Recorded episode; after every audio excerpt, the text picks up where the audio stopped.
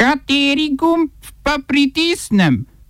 Tisti, na katerem piše OF.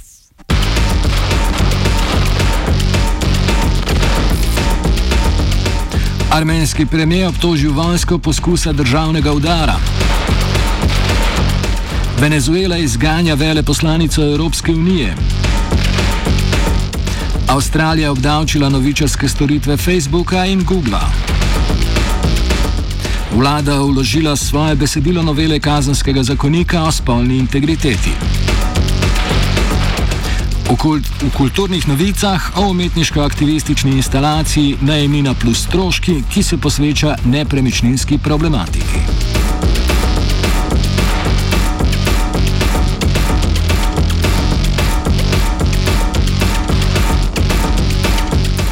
Armenski premijer Nikol Pašinjan je upozoril na poskus državnega udara, potem ko ga je vojska pozvala naj odstopi. Vojska je v izjavi, ki so jo podpisali vsi višji predstavniki vojske, vključno z načelnikom generalštaba Onikom Gasparjanom, zahtevala odstop vlade, ki naj naj ne bi bila več sposobna sprejemati primernih odločitev v kriznih razmerah. Po trenutnih podatkih vojska svojega poziva ni podkrepila silo. Pašinjan je takoj po izjavi odpustil Gaspanjana in pozval svoje podpornike naj se zberejo na trgu republike v središču glavnega mesta. Vojska je izjavo objavila potem, ko je Pašinjan odpustil prvega Gasparinjanovega namestnika, ki se je norčeval iz njegove kritike ruskega orožja v lanski vojni v Gorskem Karabahu. Proti Pašinjanu sicer že nekaj mesecev potekajo protesti zaradi poraza v vojni z Azerbajdžanom.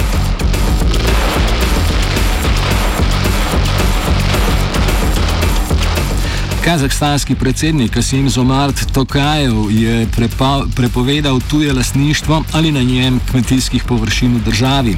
Pred petimi leti je država v iskanju tujih investicij odprla kmetijski trg tujim investitorjem, ker je povzročilo odpor in ulične proteste. Protestniki so izražali strah, da bo vzhodna soseda Kitajska, ki je največji kazahstanski trgovski partner, kreditor in investitor, pokupila vsa polja in pašnike. Predsednik je njihove zahteve sprejel in dejal, da je lasništvo zemlje sveti simbol naše državnosti.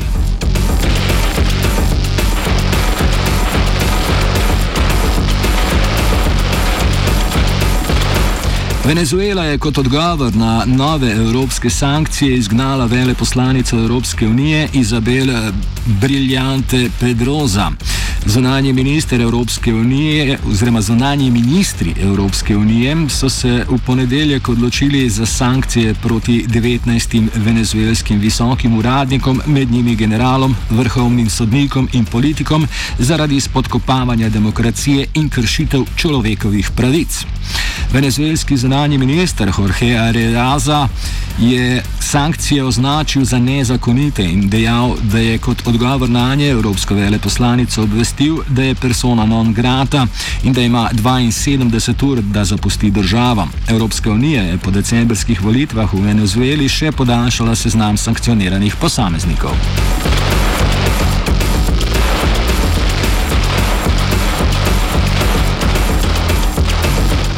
Evropska unija je prevetrila svoj leta 2017 pisani sivi seznam davčnih oaz in z njega odstranila Maroko in Namibijo. Saj sta državi od leta 2019 prilagajali svoj davčni sistem zahtevam Evropske unije, predvsem zahtevi po transparentnosti poslovanja. Maroko, na primer, je v proračunu za 2021 vključil sredstva za preganjanje davčnih utaj in prevar ter za spodbujanje vračanja sredstev iz tujine. Na črnem seznamu davčnih oaz, eh, ki ne izboljšujejo davčnega sistema v skladu z EU standardi, ostaja 12 držav ali teritorijev, kot so Sejšeli, Panama, Deviški otoki, Guam in Fidži. Ne na črnem, ne na sivem seznamu Evropske unije se še nikoli niso znašle Švica, Nizozemska, Malta in Luksemburg, kljub temu, da so evropske države odgovorne za 36 odstotkov davčnih utaj. Evropski parlament je zato januarja sprejel resolucijo, naj bo seznam davčnih utaj bolj učinkovit in manj zmeden, saj se po njihovo z trenutnega seznama države lahko izbrišejo s precej simbolnimi popravki.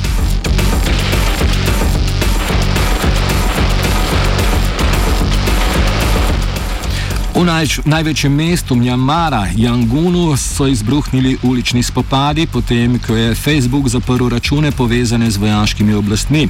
Spopadi so izbruhnili med prvimi večjim izhodom v podporo vojski po vojaškem udaru 1. februarja, na katerega se je zbralo več kot eh, tisoč ljudi. Mimo idoči so se na shod odzvali z udarjanjem po posodah, na kar so jih nekateri udeleženci shoda napadli s kamenjem.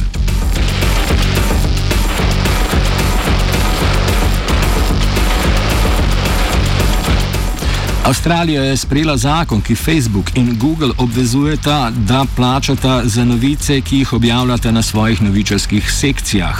Zakon je dramatično omiljena različica prvotno predlaganega zakona, zaradi katerega je Facebook za kratek čas izklopil novice za svoje avstralske uporabnike, s čimer je očitno dosegel veliko. Vseeno pa je to prvi zakon te vrste, ki bo služil kot presedan podobnim zakonom, ki jih pripravljajo v Kanadi in Veliki Britaniji. Ponovem bo Google moral plačati za novice, ki jih objavlja na svoji storitvi Showcase, Facebook pa za novice, ki jih objavlja na storitvi News. Glavna posledica zakona je ta, da bosta tehnološka giganta morala podpisati večmilijonske pogodbe z velikimi avstralskimi novičarskimi korporacijami, kar sta že storila v primeru eh, Seven West Media in News Corporation v lasti Ruperta Murdocha, hkrati lastnika ameriškega Fox Newsa. Oba, če, če bom odgovoril na angliški. Slovenija will try to help.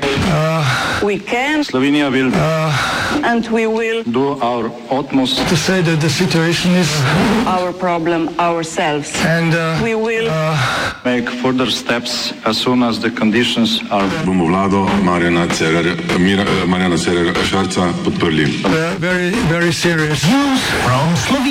we know how and we will. Vlada je včeraj pred polnočjo predložila svoje besedilo novele kazenskega zakonika o spolni nedotakljivosti, en dan predtem, ko je inštitut 8. marec na- nameraval predložiti svojih 5000 podpisov v okviru opozicijskega predloga. Novela predstavlja odmik od trenutno veljavnega modela prisile in inkriminira vsakršen poseg v spolno nedotakljivost brez eksplicitne privolitve.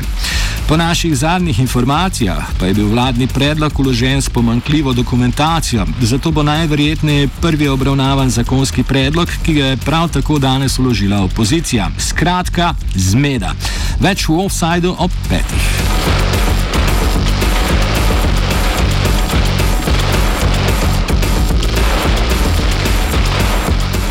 Odvetnik, ki zastopa rogovce, je ugotovil, da mestna občina Ljubljana pri rušenju stamp na Trubarjevi ni predložila veljavnega gradbenega dovoljenja. Več o tem odvetnik Zoran Korenčan.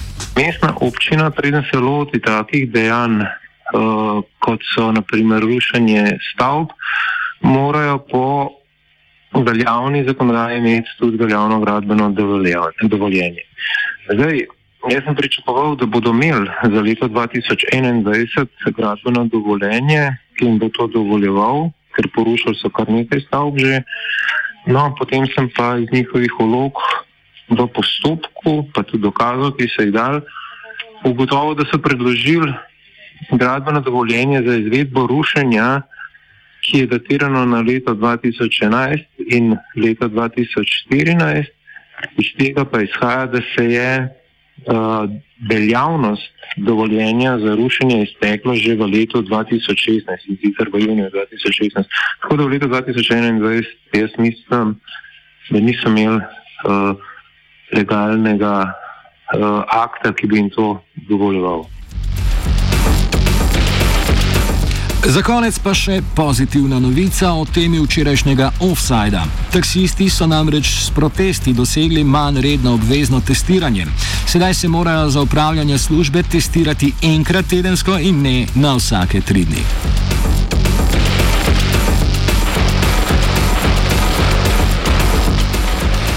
Of je pripravil vanec Petar, mentorirala je Gea.